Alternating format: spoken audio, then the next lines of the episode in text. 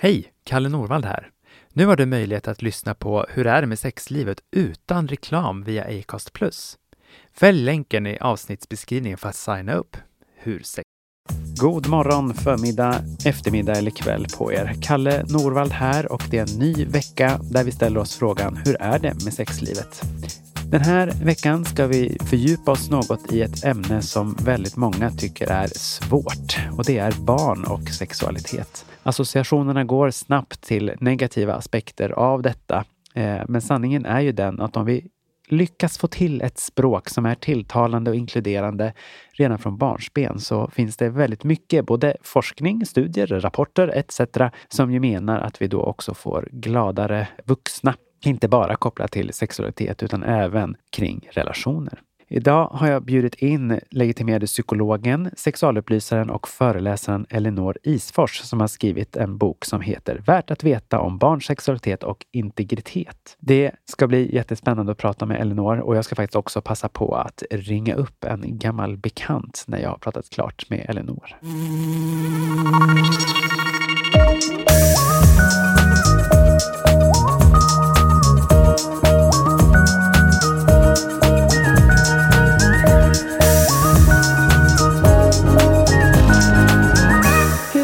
Sexlivet med Kalle Norvald. Selling a little or a lot?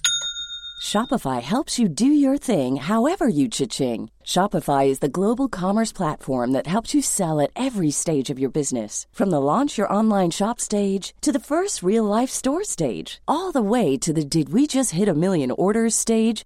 Shopify is there to help you grow. Shopify helps you turn browsers into buyers with the internet's best converting checkout. 36% better on average compared to other leading commerce platforms because businesses that grow grow with Shopify. Get a $1 per month trial period at shopify.com/work. shopify.com/work. Ever catch yourself eating the same flavorless dinner 3 days in a row, dreaming of something better? Well, HelloFresh is your guilt-free dream come true, baby. It's me, Gigi Palmer. Let's wake up those taste buds with hot, juicy pecan-crusted chicken or garlic butter shrimp scampi. Mm. Hello Fresh. Stop dreaming of all the delicious possibilities and dig in at hellofresh.com. Let's get this dinner party started. Life is full of what ifs. Some awesome, like what if AI could fold your laundry? And some, well, less awesome, like what if you have unexpected medical costs? United Healthcare can help get you covered with Health Protector Guard fixed indemnity insurance plans. They supplement your primary plan to help you manage out of pocket costs. No deductibles, no enrollment periods, and especially no more what ifs. Visit uh1.com to find the Health Protector Guard plan for you. Hej Elinor! Hej Kalle! Hur mår du idag? Ja, ovanligt bra. Ovanligt bra? Ja. Vad har du gjort för att förtjäna det? Jag har jobbat bra. Och sen om jag får avslöja det så är det ju fredag. Liksom. Det får du avslöja, Ja. det är inte Ja. hemligt. Vi ska ju prata om ett ämne som inte alla tycker är jättetrevligt att prata om. Mm. Eh, Man drar sig, inte trevligt kanske var fel ordval, men att man drar sig från att prata om det för att det väcker ganska mycket känslor hos Mm. i alla fall många vuxna, skulle jag säga. Vi ska ju prata om barn och sexualitet. Ja. Hur kom du in på det här ämnet? ja, jag tänker att det är min bakgrund då som sexualupplysare Mm. och som psykolog. Att jag har jobbat mot en del förskolor och jag har sett en del. Då var det barn med funktionsnedsättningar med liksom problembeteenden som man säger då. Eller bete- ja. problemskapande beteenden. Som har rört sexualitet och så har jag sett hur handfallna folk blir kring det och hur kommunikationen blir låst. Liksom. Ja. Och också förstått att när det är andra beteenden, då jobbar man hur bra som helst. Och så har jag tänkt så här, men det här, det borde gå. Liksom. Kompetensen finns, men det är någonting som liksom låser det lite. Ja. Vad tror du den låsningen beror på? Det, det här är ju en jättefråga. Jajamän. Ja, den är hur stor som helst. Jag menar inte att du ska kunna svara 100% Nej. till sanning här, utan bara, Nej. för jag håller helt med dig, Ja. att det blir någon låsning i det. Och jag tänker att det hänger ihop med massa saker. Såklart. Alltså hur de som är vuxna idag Ja. blev bemötta när de var barn. Det är de som Miss- sitter i min terapisoffa ofta. Ja, exakt. Eh, de saknar goda exempel. Mm. Och de saknar också goda exempel på professionella som tar i den här frågan. Alltså de kan ju själva ha suttit på vårdcentralen och fått antidepressiva utskrivet och ingen har talat om för dem att det kan påverka deras lust. Ja. Och de vågar inte lyfta det och läkaren säger ingenting. Alltså, det är den där tystnaden som liksom blir extra stark när det gäller barn. Mm. Och, och sen så tror jag att det är en förvirring kring det här med barns sexualitet. För att ibland när jag pratar om det så... Alltså jag kan få någon känsla av att jag måste prata en stund så att folk förstår att jag inte vill kratta för pedofiler. Typ. Precis. Om man pratar om det så kan man liksom inte riktigt förstå hur man gör det ur ett hälsoperspektiv och ur ett skyddsperspektiv för barn. Mm. Och det är självklart att det är det jag vill göra. Jag vill ju värna. jag vill ju värna barn. Jag håller helt med att det är ofta det som många möter när jag är ute och föreläser ibland och pratar om att ja, men det är också viktigt att vi inkluderar barns Mm. sexualitet i bemötandet på barn och ungdomspsykiatrin Mm, eller i ja. ja, all vård där barn och ungdomar är. Så är det många som tänker direkt på att vi pratar om övergrepp på barn. Mm. Men det är också den här jättestarka kopplingen om man säger sex till någon och ber dem säga det första de tänker på. Då är ju det samlag. Och har man den snäva definitionen på sexualitet, ja då blir det ju jättekonstigt att prata om barns sexualitet. Jag vill inte prata om barns samlag, utan Nej. jag menar ju sexuell hälsa i det stora. Liksom. Stora definitionen. Ja, den stora definitionen. Och, och jag tänker också så här att man säger ju att barn, om vi tar ett, ett exempel, de har ju en språklig utveckling, eller hur? De Ja. utvecklas språkligt. Ja. Men för det så skulle vi inte säga att de saknar språk. Aldrig. De har ett språk och de utvecklar det. Mm. Och vi har ganska lätt att säga att de kanske har en sexuell utveckling. De håller på att utveckla sin sexualitet. Mm. Ja, men då måste de ju också ha den. Ja. Och det är den lilla barnsexualiteten som jag vill värna så att den får utvecklas och så småningom bli en vuxen sexualitet. Liksom. Skulle du kunna vara konkret och prata om vad du gör då? Alltså för att just värna barnens sexualitet. Jag som inte har lika mycket erfarenhet som du och jobbar med så här små barn. Nej, men jag vill ju prata med de vuxna Mm. runt omkring barnen. Det är inte mycket jag kan göra, liksom sticka in huvudet på en förskola och prata en timme. Alltså det går ju inte. Och sen är det klart. Och sen är det klart. Utan det här är ju, alltså jag har skrivit den här boken för Ja. att nå ut. Personal inom förskolan är fantastiskt kompetenta. Och jag vill bara att de ska ta den kompetensen de redan har och applicera den på det här med sexualitet också. Att sexualitet ska få vara en fråga som liksom är inkluderad i deras arbete. Inte att den ska ta över eller bli prio nummer ett, men att de ska känna sig trygga med hur man bemöter barn. Att de ska kunna prata igenom det med varann, var gränserna går. Då finns det generella gränser på förskolor, men sen kanske man också behöver prata ihop sig i arbetslaget. Hur gör vi här? Ja. Vad tycker vi om det här? Och förstå då att sexualitet är en professionell fråga. När man är på jobbet och pratar om sex, då sitter man inte och delar något privat eller pinsamt, utan man är professionell, skicklig i sin yrkesroll och så säger man hur ska vi göra med de här frågorna som rör sexualitet. Men det är en jobbgrej. Ja, jag håller helt med. Många förväxlar de här privata personliga domänerna så att säga. Att man tänker att man ska berätta för barn om sitt egna sexliv. Det tänker jag att man inte ska. Nej, nej, det är inte det jag är ute efter. Nej, eller hur? Nej. Jag tänker att, så här, som jag sa, att jag träffar ju många gånger de här personerna i terapi nu som kanske ja, men på ett eller annat sätt har blivit hämmade med Mm. att sätta ord på sin sexualitet som barn. Av diverse skäl. Eh, Att det liksom har varit en tradition kanske i familjesystemet att inte prata om det. Mm. Jag har ju träffat fler än personer som liksom har blivit skammade när de har utforskat sina kroppar till exempel. En kvinna som bara ploppar upp i huvudet nu när jag pratar, att hon hade suttit och smekt sin snippa i soffan och mamman hade praktiskt taget kommit och liksom slagit henne på händerna Mm. eh, och sagt nej. Men när hennes storebror gjorde samma sak med sin snopp så var det liksom inget reaktion överhuvudtaget. Nej. Och hur mycket det formar oss, de här Mm. tidiga upplevelserna, hur vi blir bemötta när vi utforskar. Mm. Alltså utforskandet och ehm, frågeställandet också. Att man ska få ställa frågor som barn. Och barn ställer de här frågorna vid fel tillfälle. Ja, Såklart. Ibland Ja. vid rätt tillfälle, men oftast vid fel. barn har ju den där mm. känselspröten Ja. ute va? Så här, gäller liten barnröst i kön i mataffären. Liksom. Självklart. Då drar vi upp allt det. Och så känner man så här, men jag vill inte svara på den här frågan inför alla som nu har vänt sig om och sådär. Mm. Men jag tänker att det viktigaste där är bara att säga så här, ja, eller hur? Mm. Visst kan man undra över det? Den berömda bekräftelsen. Ja, gud vilken bra fråga. Vet du, jag, jag, måste, jag vill tänka lite på hur jag ska svara. Vi tar det när vi har kommit hem. Och sen så har man då tid på sig. Och så kan man tänka, hur vill jag formulera det här? Mm. För att, eh, boken är ju, nu har jag pratat mycket om förskolepersonal, Ja. men det är också föräldrar som har läst den och sagt vad skönt. Så den, Ja. den riktar sig ju liksom till egentligen alla Som har barn omkring ja, sig, som har barn jag. omkring sig. Ja, Mm. Jag har också förstås då läst din bok. Ja. Men jag tycker att jag får ju väldigt ofta frågor, oavsett om jag är på en liten vårdcentral någonstans Mm. i Sverige, eller om jag är på en stor psykiatriavdelning och Mm. föreläser eller utbildar. Och så är det nästan, jag vågar nästan säga alltid, någon i publiken, ifall de kommer fram och ställer någon fråga, så är det så här, jo men jag har ett barn i min närhet, eller mitt barn gör så här. Att man som vuxen eller som förälder inte har så många arenor att ställa frågor, så här, hur ska Nej. jag hantera den här delen av föräldraskapet? Nej, det var någon som sa så bra att som förstagångsförälder Mm. så brukar det vara liksom knepigare. Och sen när man har två barn, då har man hunnit vänja sig. Jag tänkte så här, men det gick ju bra för den äldsta som satt och pillade lite mellan benen och Ja. sen hände, liksom. Så då får nummer två hålla på.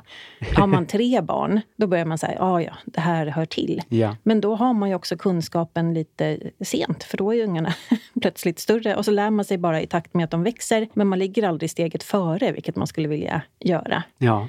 Ja, jag tycker mig också se, nu är det här min egna högst empiriska erfarenhet, men att många vuxna också blir oroliga så fort barnen gör någon form av liksom sexuellt beteende eller Ja. använder sexualiserade ord, att man tänker på en gång att det här är en indikation på att de har just blivit förgripna sig på. Ja. Mm. Och så är det ju inte. Nej. Utan det är ju barnets sätt att delvis testa oss vuxna, tänker jag mig, men också att utforska. Mm. Vad händer när jag använder de här orden? Man har sett någon använda dem och den fick Såklart. en jättestor eh, reaktion. Vad händer om jag gör det och vad Ja. betyder det här? Nej men exakt, och det har ju faktiskt, alltså det finns ju som en, en eh, inställning till barns sexualitet att visar de något tecken överhuvudtaget Ja. så bör vi bli oroliga. Och jag vill inte liksom på något sätt förminska liksom, oro. Nej. Så fort vi känner den så måste vi agera i, i det här att värna barn. Liksom. Det Går ju alltid först. Ja, så att barn kan ju säga någonting sånt om man känner en ordentlig oro. Man går vidare med det och märker att det ligger någonting bakom. Men det är också så att barn kan ställa frågor som har med sex att göra. Kan plötsligt vilja känna hur en förälders rumpa känns. Ja. Och föräldern kan bli helt så här, smekte du mig över rumpan? Liksom, har du blivit smekt över rumpan? Men det där kan ju vara helt, jag gillar inte ordet eh, normalt, men helt normala beteenden. Det hör till. Ja. Barn utforskar sina kroppar, de ställer frågor. De kan göra lite impulsiva saker. Mm. De kan dra ner byxorna när de har en kompis på rummet och leker. Och så plötsligt kan de vara nakna och kuta omkring. Ja. Det ingår. Ja? Så, så allt det behöver inte vara något som ska leda till oro. Men eh, känner man oro så ska man agera. Ja, och jag tänker att vara observant på oron också, så att man inte negligerar oron. Ja, absolut. Men eh, då tänker jag, är det så att man inte vet om de här sakerna, därför är det så fint att du ville komma hit och Mm. prata med mig om det här också, som också är förälder och inte är, har jätteerfarenhet att jobba med barn kanske, men har ju läst en del. Det finns ju en skillnad på det här med utforskandet och agerandet, Ja. tänker jag. Ja. Att när barn liksom simulerar ja, men, penetrativa samlag till Mm. exempel som eh, femåringar så kan det ju finnas en indikation på någonting, att man Ja. behöver utforska vad man lärt sig det här. Har du några förslag på hur man säger till mig och alla andra föräldrar på något Mm. förslag på formulering på vad man skulle kunna säga? Jag tänker att det börjar med, ser man att ens barn leker en sån lek med en kompis så tycker jag att man kan stanna upp och iaktta leken lite extra. Och man kan se, verkar båda barnen vara glada och fnittriga eller liksom bestämmer de båda två? Eller är det något av barnen som liksom pushar på och som inte släpper det här och liksom lite grann tjatar och tvingar och sånt där. Då kan man tänka, varför var det så viktigt för det här barnet att få leka den här leken? Det är ju en varningssignal. Eh, om man ser barn som initierar sån här lek med mycket yngre barn, alltså Ja. barn på en lägre liksom, mognadsnivå för att då kunna få bestämma och styra och ställa. Också varningstecken. Ja. Men, men är det två kompisar som har lekt förut, kommer Ja. leka igen och som är helt fnittriga och leker... Doktorn. Ja, men precis. Doktorslekar. Jag tror att man kan plocka upp den där stämningen. Och sen kanske man faktiskt inte behöver kommentera alls. Allt. Nej, allt eller alls. Om man känner någon oro, ofta är det för man tänker sig men snart kommer mitt barns kompis föräldrar och hämtar det här barnet och så är de nakna. Så här, Det går ju inte. Om man vill avbryta så behöver man inte kuta in i rummet och säga åh herregud, och vad gör ni? På med byxorna. Utan då kan man titta in och säga, vet ni, jag har lite glass i frysen, ska vi Mm. gå ut och äta det på trappan? Ja. För den där leken får de leka. Men blir man orolig så tänker jag att då får man kanske säga till det här eh, andra barnets föräldrar att det här hände. Jag fick en känsla som inte var helt bekväm. Kan vi prata om det lite senare? Ringer ni sen när de har somnat? Sådär. Men den här konsten att faktiskt Ja. kunna återkomma till teman, Ja. eller hur? Och det har jag träffat tusen vuxna som just säger, men det där hände ju för flera veckor sedan, det kan jag inte ta upp igen. Varför Mm. Jo, inte? Det, det är kan- klart du ska. Det kan du. Ja. Ligger och skaver och skapar den här oron, ja men då finns det en viktig indikation där att Ja. respektera i sig själv, tänker jag. I din fråga fanns det också så här, vad, vad, hur frågar man barnet om man blir orolig? Och då tänker jag att det är ju de lägena man kommer vara så otroligt tacksam Ja. för att man har gjort ett liksom förebyggande arbete. Eller hur? Att man har gett barnet ord för känslor och för kroppen och så, där, så att den lätt kan uttrycka och säga antingen Ja, men det kändes som min kompis tvingade mig till det här. Eller vet du, så här, det blev jättepirrigt. Ja. Och, och man som förälder kan säga ja, men ja, de där lekarna kan ju vara jättepirriga. Men var du glad? Tyckte du om leken? Liksom? Den här klassikern före, under och efter, Före, under, efter. Ja. Ja. Ehm, Kändes det. Mm. bra före, kändes det bra under och efteråt? Ja. Men eh, jag tänker det att man blir så väldigt, väldigt glad när man behöver prata om man har förberett det. Och det är det jag vill säga till förskolor också. Se till att det är talbart. Bemöt barnen bra. Då kommer man ju också få höra. Ja. Om jag får liksom bli, ja, men prata om övergrepp en stund. De kommer ju väldigt sällan liksom som en... Vad ska man säga? De brukar inte vara så plötsliga. Att det går från noll till hundra Mm. på en gång. Utan någon som är ute efter att förgripa sig på barn tänjer på gränser och flyttar gränserna Precis. Stegvis. Om ett barn då har möjlighet att säga till tidigt. Ja. Det var så konstigt. Den här liksom, vikarien då, säger Mm. vi, gjorde så här. Varför la vikarien handen på min rumpa? För det är ju någonting som hade då kunnat växa. Ja, Vi vill ju precis. att de kommer till oss. Ja, men att skapa en, ett förtroende till en viktig vuxen. Ja. Och jag tänker också på den otroliga digitaliseringen, nu känner jag mig stengammal, på den här otroliga digitaliseringen Ja. som har skett på Ja. sistone. Ja. Eh, när man också behöver inkludera det. Mm. Jag brukar säga till min son många gånger så här, men det finns saker på nätet som barn inte ska se. Så stöter du på något som är läskigt och obehagligt, kom till oss. Och det är på tal om vikt, nu är inte jag en idealförälder tror jag, men, men good enough. Att skapa det här förtroendet, att stöter du Ja. på något som är läskigt så kom så får vi se vad det är för något. Och det är ju det som är det här förebyggande. Eh, och det är det som jag har märkt i alla fall med många föräldrar jag haft i samtal genom åren, att det är förebyggandet som också känns lite läskigt och obehagligt. För att då ger man ett språk kanske för tidigt till barn. Och jag tänker ju att det inte är riktigt så, utan Nej. tvärtom. Tvärtom. Ja. Utan att den här rädslan är just föräldrarnas rädsla som då kan komma att skita sig i framtiden om man Ja. har riktigt otyg. Ja, och det är ju också stora krav vi ställer på föräldrar. Om man Ja. inte har blivit bemött så själv Precis, vart och ska man liksom lärt sig det? uppfinna det här beteendet själv Ja. från liksom Ingenting. ingenstans. Nej, Nej. men man har inget språk själv. Man vet inte hur man gör det här på ett snyggt sätt. Men det är ju tyvärr så att föräldrastil sitter lite i ryggmärgen. Absolut. Mer än vad man kanske skulle vilja. Man vill vara förälder på ett erkänna. annat sätt. Eller vågar erkänna. Precis. Men nej, jag tycker inte att det finns någonting som är för tidigt. Mm. Säg att man har gett sitt barn ett språk eh, och så tycker förskolepersonalen oj vad ditt barn Använder det här ditt språket. barn visste vad blygdläppar var. Hur, Ja. hur kommer det sig? Ja. Då kan man ju bara säga att här, men vi, vi har faktiskt försökt namnge lite olika delar och vi pratar ganska mycket hemma om kroppen. Vi tyckte det var viktigt. Och sen Mm. är den oron borta. Liksom. Jag, jag vet inte vad som skulle kunna bli värre än så av att ungen har Nej, ett alltså min språk. egna kvalificerade gissning är ju att många går och är rädda då för att om man har ett språk för sexualitet eller sin kropp då, att det skulle vara någon form av tecken på att någonting har hänt. Alltså vi, du märker att jag återkommer till det, att Mm. så här, många som jag har mött just är så rädda att det ska Ja. signaleras att barnet har varit med om något övergreppsmässigt. Liksom. Mm. Eh, och jag håller 100% med dig just där, men om man själv inte har fått redskapen att sätta ord på det själv som barn Mm. Ja. så är det inte heller så konstigt sen att man inte kanske kan lära ut samma sak Mm. själv till sina barn. Det är ju svårt. Det inte... är svårt. det är svårt. Jag menar, också en ödmjukhet att vara förälder generellt sett är ju rätt svårt. Ja, och det är väldigt många dimensioner. Liksom. Här sitter vi och pratar om kanske ytterligare en. Men jag tänker att det här är också en väldigt kul dimension. Du och jag är ju partiska va? Som vet, sexualupplysare båda två. Men Jag vet. Ehm, men jag tänker att har man en dialog med sina ungar från tidig ålder, vet att man skulle få veta liksom, om riktigt jobbiga saker hände i tonåren eller faktiskt till och med få vara med och veta lite. Och då menar jag inte att man ska bli helt gränslös och berätta allt Nej. för varandra. Eller sånt där, men att man, man har lite koll på hur ens tonåring mår och hur den här sexuella utvecklingen liksom fortsätter. Och kanske tidigt få veta om ens dotter gillar tjejer och kunna se till att anpassa sitt språk efter det. Och slippa känna så här, okej nu kom du ut som flata här när du är 18 och jag har pratat heteronormativt i 18 år. Ja. Så man vill ju vara med. Det skapar ju faktiskt relation på ett väldigt bra sätt. Och det liksom minimerar oron man behöver känna.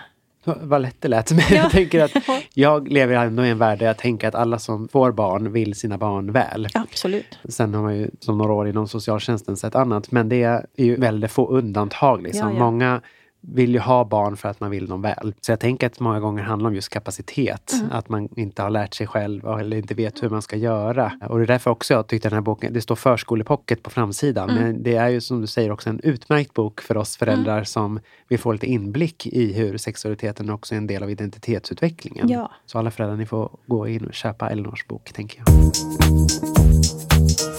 Alltså jag hoppas också, jag vill ju klart att boken ska säljas men allra mest så vill jag liksom bidra till att det blir en förändring. Ja, Tänk ja om- rik blir man ju inte på böcker va? Nej, så jag nej, tänker att här är det ju inte. förändringen som verkligen är drivkraften. Tänker jag. Eh, Jag har försökt skriva den också med så där verklighetsnära exempel. Att det ska vara liksom lätt att plocka upp den och utgå ifrån den och få liksom, ja, men diskussionsunderlag om man nu sitter på en förskola. Och som förälder kan man sitta och antingen tänka över de där grejerna själv eller prata med sin medförälder om man har en. Ja. Liksom. Mm. Det var så roligt att få sitta och skriva och liksom djupdyka och Ja. ja. men intervjua då, liksom förskollärare och barnskötare och lite föräldrar och så. Ja, men det är, jag tänker att det är något också att producera något som man också kanske kan använda i en studiecirkel med sina kompisar. Alltså kanske en gång i, i bokcirkeln välja bort romanerna och läsa den här typen av bok. För att också komma i kontakt med sin egen ja, i sina egna rädslor, farvågor eller sin egen lust att prata med sina barn eller andra barn i sin närhet om de här temana. Eller jag använder ofta begreppet viktig vuxen. Om man inte har egna barn i sitt eget hushåll så kanske man har barn någon annanstans som kan komma och ställa frågor. Ja. Eh, och då kan det vara fint att ha lite kött på benen. Eller jag tänkte så här, det viktigaste lilla köttet Ja, absolut. som ska hänga där på benen. Nej, men det är att ta emot frågan väl. Håller Eh, helt med dig. Och frågan kan ju, som vi sa, dyka upp vid fel tillfälle och vara Ja. jäkligt brutalt formulerad. Liksom. Har du knullat? Ja, Men då kan man ju bara säga, men alltså visst är man nyfiken på sånt? Ja. Så här, det var jag också när jag var i din ålder. Jag vill inte prata så mycket om mig, men, men vad vill du veta om, Ja. om de flesta vuxna har sex? Eller, alltså, omformulera frågan och fråga barn någonting som man inte vet. Då svarar man ju, jag vet inte. Och det är Precis. också ett så mycket bättre svar än att vifta bort frågan. Man behöver liksom inte vara någon faktaexpert. Nej, det är ju alldeles för höga krav att ställa Ja. på sig själv. Ja. Alltså, jag brukar tänka just så att, att svara jag vet inte kan ju vara otroligt proffsigt om man Mm. Ja. jobbar med de här frågorna. Men det är också väldigt sympatiskt att också visa att men vuxna vet faktiskt inte allt. Mm. Nej. Vi kanske ska ta reda på det tillsammans. Exakt. Och då finns det ju hemsidor som är granskade, alltså Mm. umo.se som är ungdomsmottagningen på nätet exempelvis. Eh, RFSU, alltså Riksförbundet för sexuell upplysning, har jättebra material man kan läsa. Din bok kan man ju läsa. Mm. Ja, min bok kan man läsa. Jag vet inte om man läser den Från med pärm sitt till pärm kanske. barn. Nej, inte med Så, sitt barn, men, men- att kanske ändå Ja. hitta sakkunskaper. Ja, men jag tänker också så här, igen, köp tid. Jag vet Ja. inte, men får jag, kan vi prata om det igen sen? Jag ska kolla upp. Precis. Och då kan man sitta och läsa vilken sida som... Eller det är bra om den är faktagranskad, men då kan det vara vuxet språk och vuxna Ja, sådär. Och sen så får man tid att omformulera det för sitt barn. Liksom. Nu kommer jag att tänka på en sak. Men jag, det var någon, och jag vet inte vem, som sa att det mest radikala man kan göra det är att berätta för barn att vuxna har sex för att det är skönt. Boom! Boom. Ja. För att vi brukar skriva om det som det är Ja. så man gör barn. Men om allt sex skulle vara barnalstrande så skulle det antingen vara väldigt lite sex Då hade klimatkrisen också varit helt galen och varje, Ja, varje ligg ja, hade alstrat ett barn. Ja. Och att liksom signalera det. Alltså jag tänker att det blir en liten stege sådär. Att kramar ska du vilja ge och vilja få. Annars är, det, är de är fel. Ja. Eh, och pussar är såna och sex är sånt. Alltså att det, är en, det måste inte alltid vara en kärlekshandling men det ska vara en handling som är full av liksom, positiva känslor och ömsesidig respekt och sånt där. Mm. Jag tycker det var också en väldigt bra formulering kopplat till det här med hur, hur viktigt det är att ge ett språk till vad vi upplever inom oss. Mm. Eh, vilka känslor har vi och varför kommer de som de gör? Det behöver man inte heller liksom vara psykolog eller terapeut Nej, nej. för att kunna kanske bemästra det språket. Utan att ja, men, bekräfta, jag förstår att det här är pirrigt. Jag förstår att du är nyfiken. A lot can happen in the next three years. Like a chatbot may be your new best friend. But what won't change? Needing health insurance. United Healthcare Tri Term Medical Plans are available for these changing times. Underwritten by Golden Rule Insurance Company, they offer budget friendly, flexible coverage for people who are in between jobs or missed open enrollment. The plans last nearly three years in some states, with access to a nationwide network of doctors and hospitals. So, for whatever tomorrow brings, United Healthcare Tri Term Medical Plans may be for you. Learn more at uh1.com. Ever catch yourself eating the same flavorless dinner three days in a row? Dreaming of something better? Well, HelloFresh is your guilt free dream come true, baby. It's me, Gigi Palmer. Let's wake up those taste buds with hot, juicy pecan crusted chicken or garlic butter shrimp scampi. Mm. Hello Fresh. Stop dreaming of all the delicious possibilities and dig in at HelloFresh.com. Let's get this dinner party started. A lot can happen in three years, like a chatbot may be your new best friend. But what won't change? Needing health insurance. United Healthcare Tri Term Medical Plans, underwritten by Golden Rule Insurance Company, offer flexible, budget friendly coverage that lasts nearly three years in some states. Learn more at uh1.com.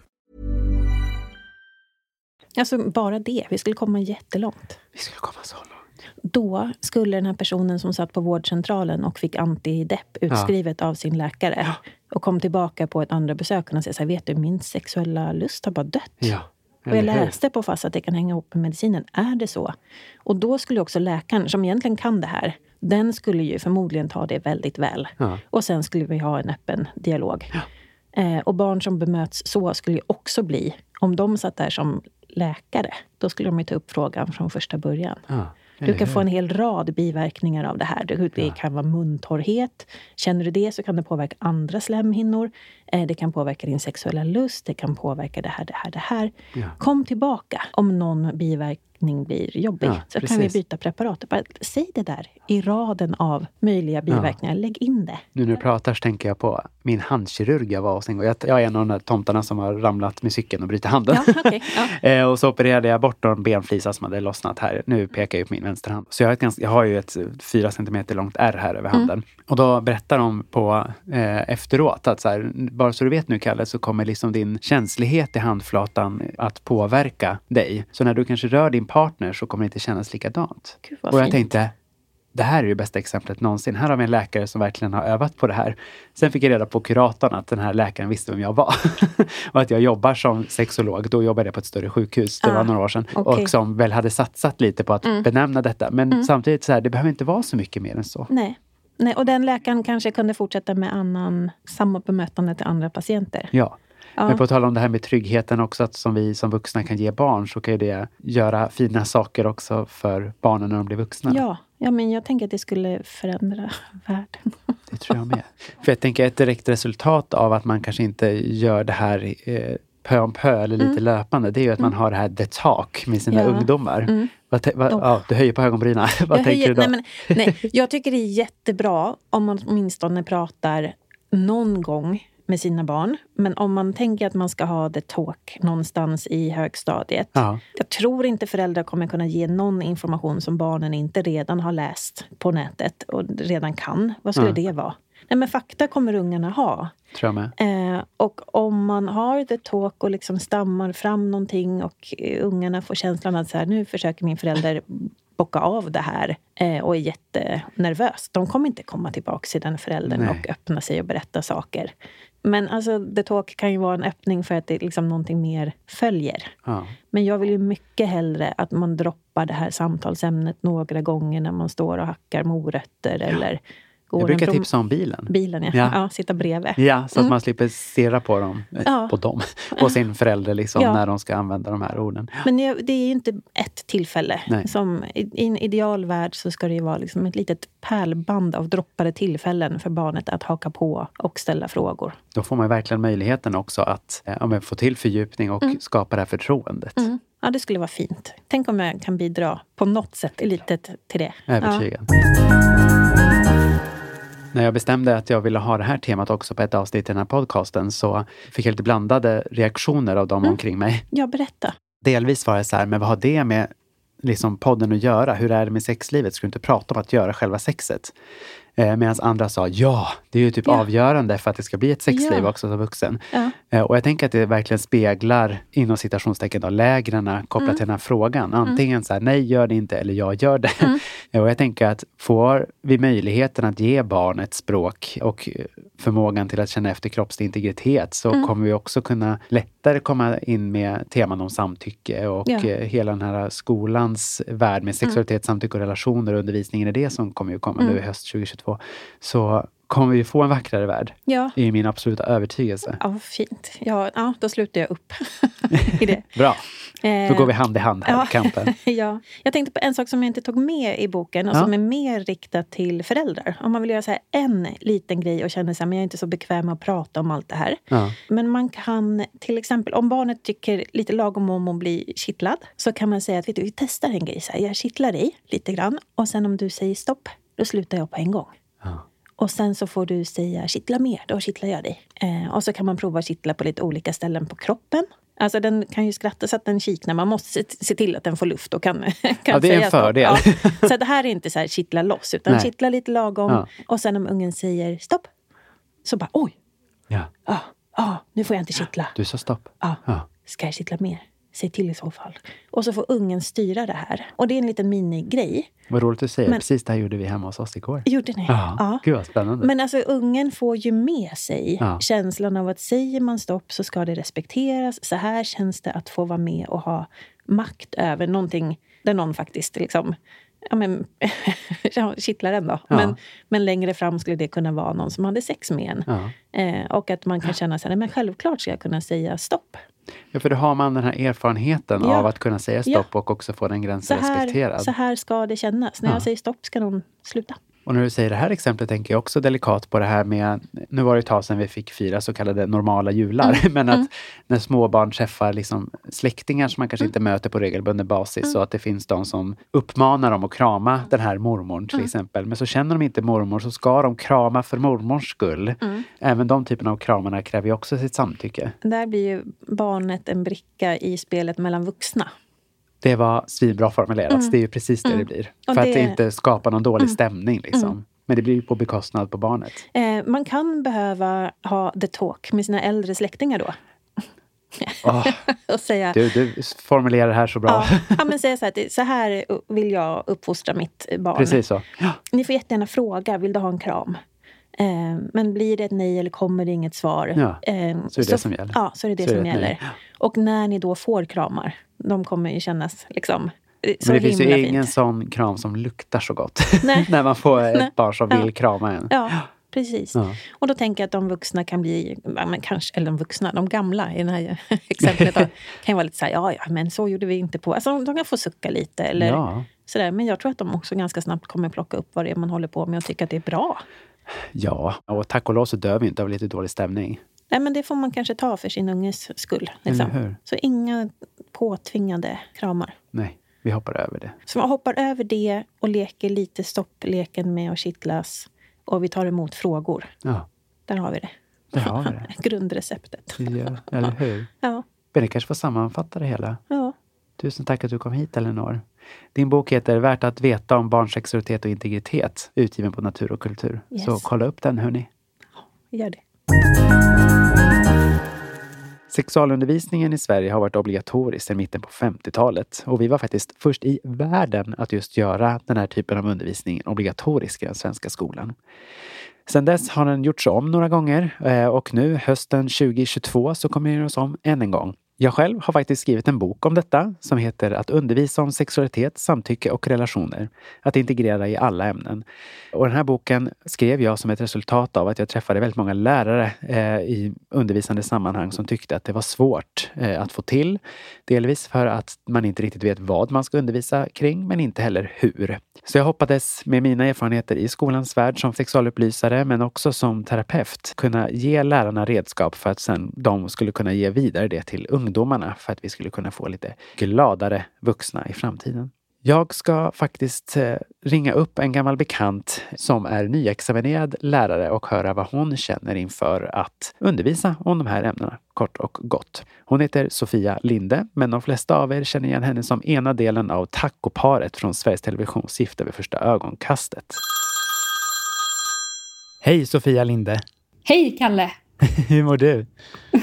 Jag mår jättebra faktiskt. Hur mår du? Jo men fint. Det är sol ute och sol i sinne, så då brukar det oftast bli lättare med saker och ting.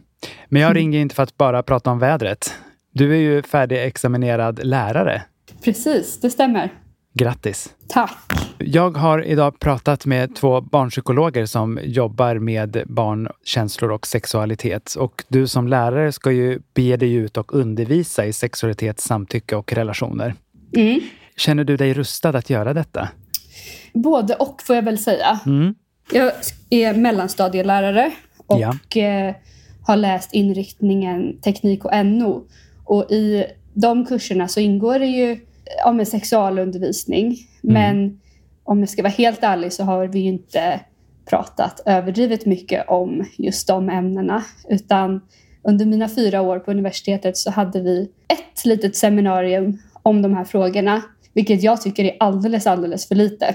Mm. Eh, Så på så sätt så känner jag mig väl inte att jag har jättemycket kött på benen. Samtidigt så känner jag att jag nog har ja, men lite egna tankar och eh, idéer om hur jag vill forma den undervisningen och hur jag tror att, eh, Mm. att den kan bli bra. Det är det vi terapeuter och sexologer kallar för lust. Man känner en lust att också utforma lite nya saker. Ja, men precis. Har du lust att dela med dig lite? Vad, vad tänker du? Eller vill du inte avslöja dina hemlisar? Jo, självklart. ja, nu har ju inte jag undervisat någonting än, så att jag kan Nej. inte säga liksom hur Men du vet, drömmar och planering är också bra. Precis, sen kommer jag säkert att ändra mig den dagen jag väl står inför min egna klass. Men jag tänker ju att framförallt så eh, tror jag att det är jätteviktigt att eh, integrera de här frågorna i, i alla ämnen. Att det inte blir bajsnödigt som det, som det var Mm. när jag gick i skolan. Att nu så ska vi samla alla tjejerna i ett rum och sen får killarna samlas i ett rum. Och så ska tjejerna prata om mens och killarna prata om något annat.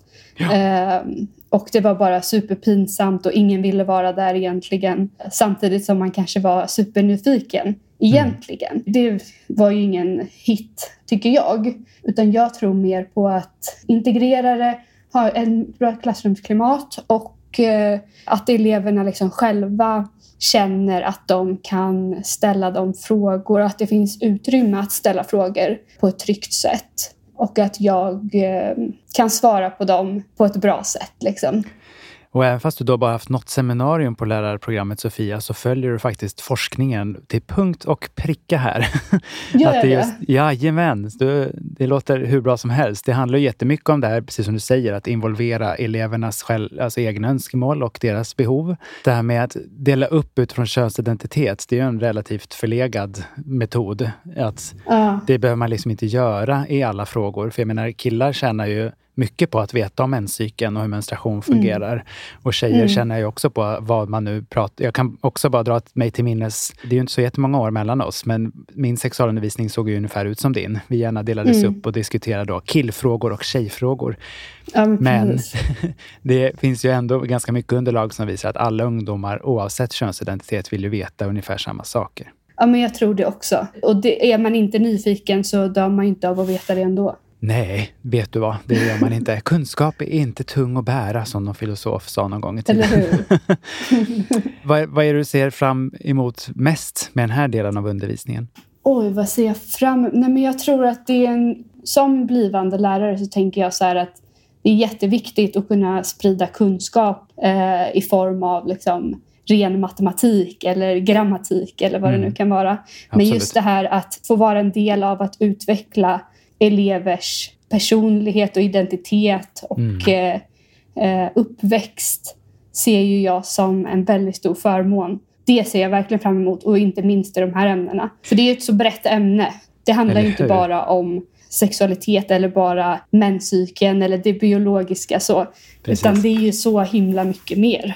Och jag tänker att det är där som också väldigt många lärare jag också har mött genom åren när jag varit ute och undervisat. De tänker att det handlar om att bara göra själva sexet. Men det är en sån mm. otroligt liten del, precis som du säger. Alltså jag menar, bara om vi tar ja. menstruationsfrågan så är det inte bara liksom själva reproduktionsdelen av det, utan det är ju väldigt mycket mer. Alltså, nu är inte du samhällskunskapslärare, men också prata utifrån det perspektivet om hur många flickor många gånger ju, eh, faktiskt blir särbehandlade på grund av deras biologiska menstruation. Så vi har ju ett stort arbete. Ja. Du sa ju något väldigt spännande tycker jag, det här med att få vara med som en viktig vuxen och hjälpa och stötta ungdomar just i att utveckla sina identiteter och sina kunskaper i det här. Och det mm. visar ju också forskningen, just de som får en sexualundervisning värd namnet, som ju faktiskt då har en bredare kunskapsbas på hur vi kan komma att utvecklas som sexuella och relationella varelser med för den delen. Mm. Så det låter som att du är rätt person på rätt plats. Jag hoppas att jag kan göra någon skillnad. Det är jag helt övertygad om. Och vet du Sofia, det kan jag säga att du har redan gjort. Tror du det? Ja, jag vet det. för att eh, alltså, det är fler än en person som efter du var med i Gift för första ögonkastet som pratade om den här scenen när du och Anton gjorde den här sexkartan. när jag tvingade honom och prata sex. Ja, ibland. Alltså det finns ju liksom positivt tvång också, negativt tvång, det som vi kanske kallar ja. för övergrepp. Men här var det ju ändå en motivation från Antons sida att han ville göra det, tycker jag mig se i alla fall. Gud ja.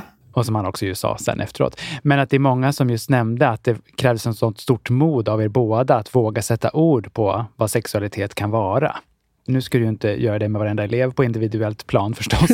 Men att just prata om sexualitet i mer eller mindre i alla fall dramatiska situationer är ju svinbra. För att visa att det här går att göra talbart. Precis. Det tror jag verkligen på, att avdramatisera det Mm. Eh, och ta bort lite av tabun. Göra det på ett kul sätt. Eller hur? Alltså jag menar, det här kan ju också vara lustfyllt. Och det visar ju också, mm. nu gud, ni märker vilken forskningstönt jag är, men att det också den här balansen mm. mellan risk och chans. Att sexualitet inte mm. bara är liksom klamydia och övergrepp, utan sexualitet kan också vara just lust och nyfikenhet också. Det är väl det det ska vara framförallt egentligen. Sofia, tusen tack att jag fick slå dig en pling och prata lite om sexualundervisningen. Tack själv. Stort lycka till i lärarstolen. Tack.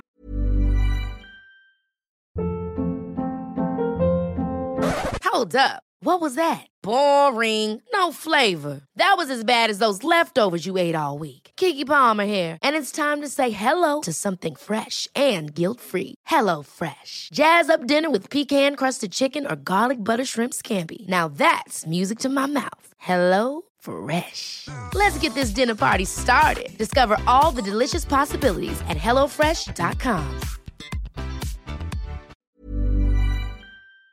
Ska du ha? Och det hörni får sätta punkt för den här veckans avsnitt av Hur är det med sexlivet med mig, Kalle Norvald. Hoppas att ni har tagit möjligheten att vrida och vända på de här spörsmålen som det här temat ju uppbringar på lite olika sätt. Eh, och att ni tar hand om er själva och varandra. Så hoppas jag att vi hörs igen nästa vecka. Tjoho!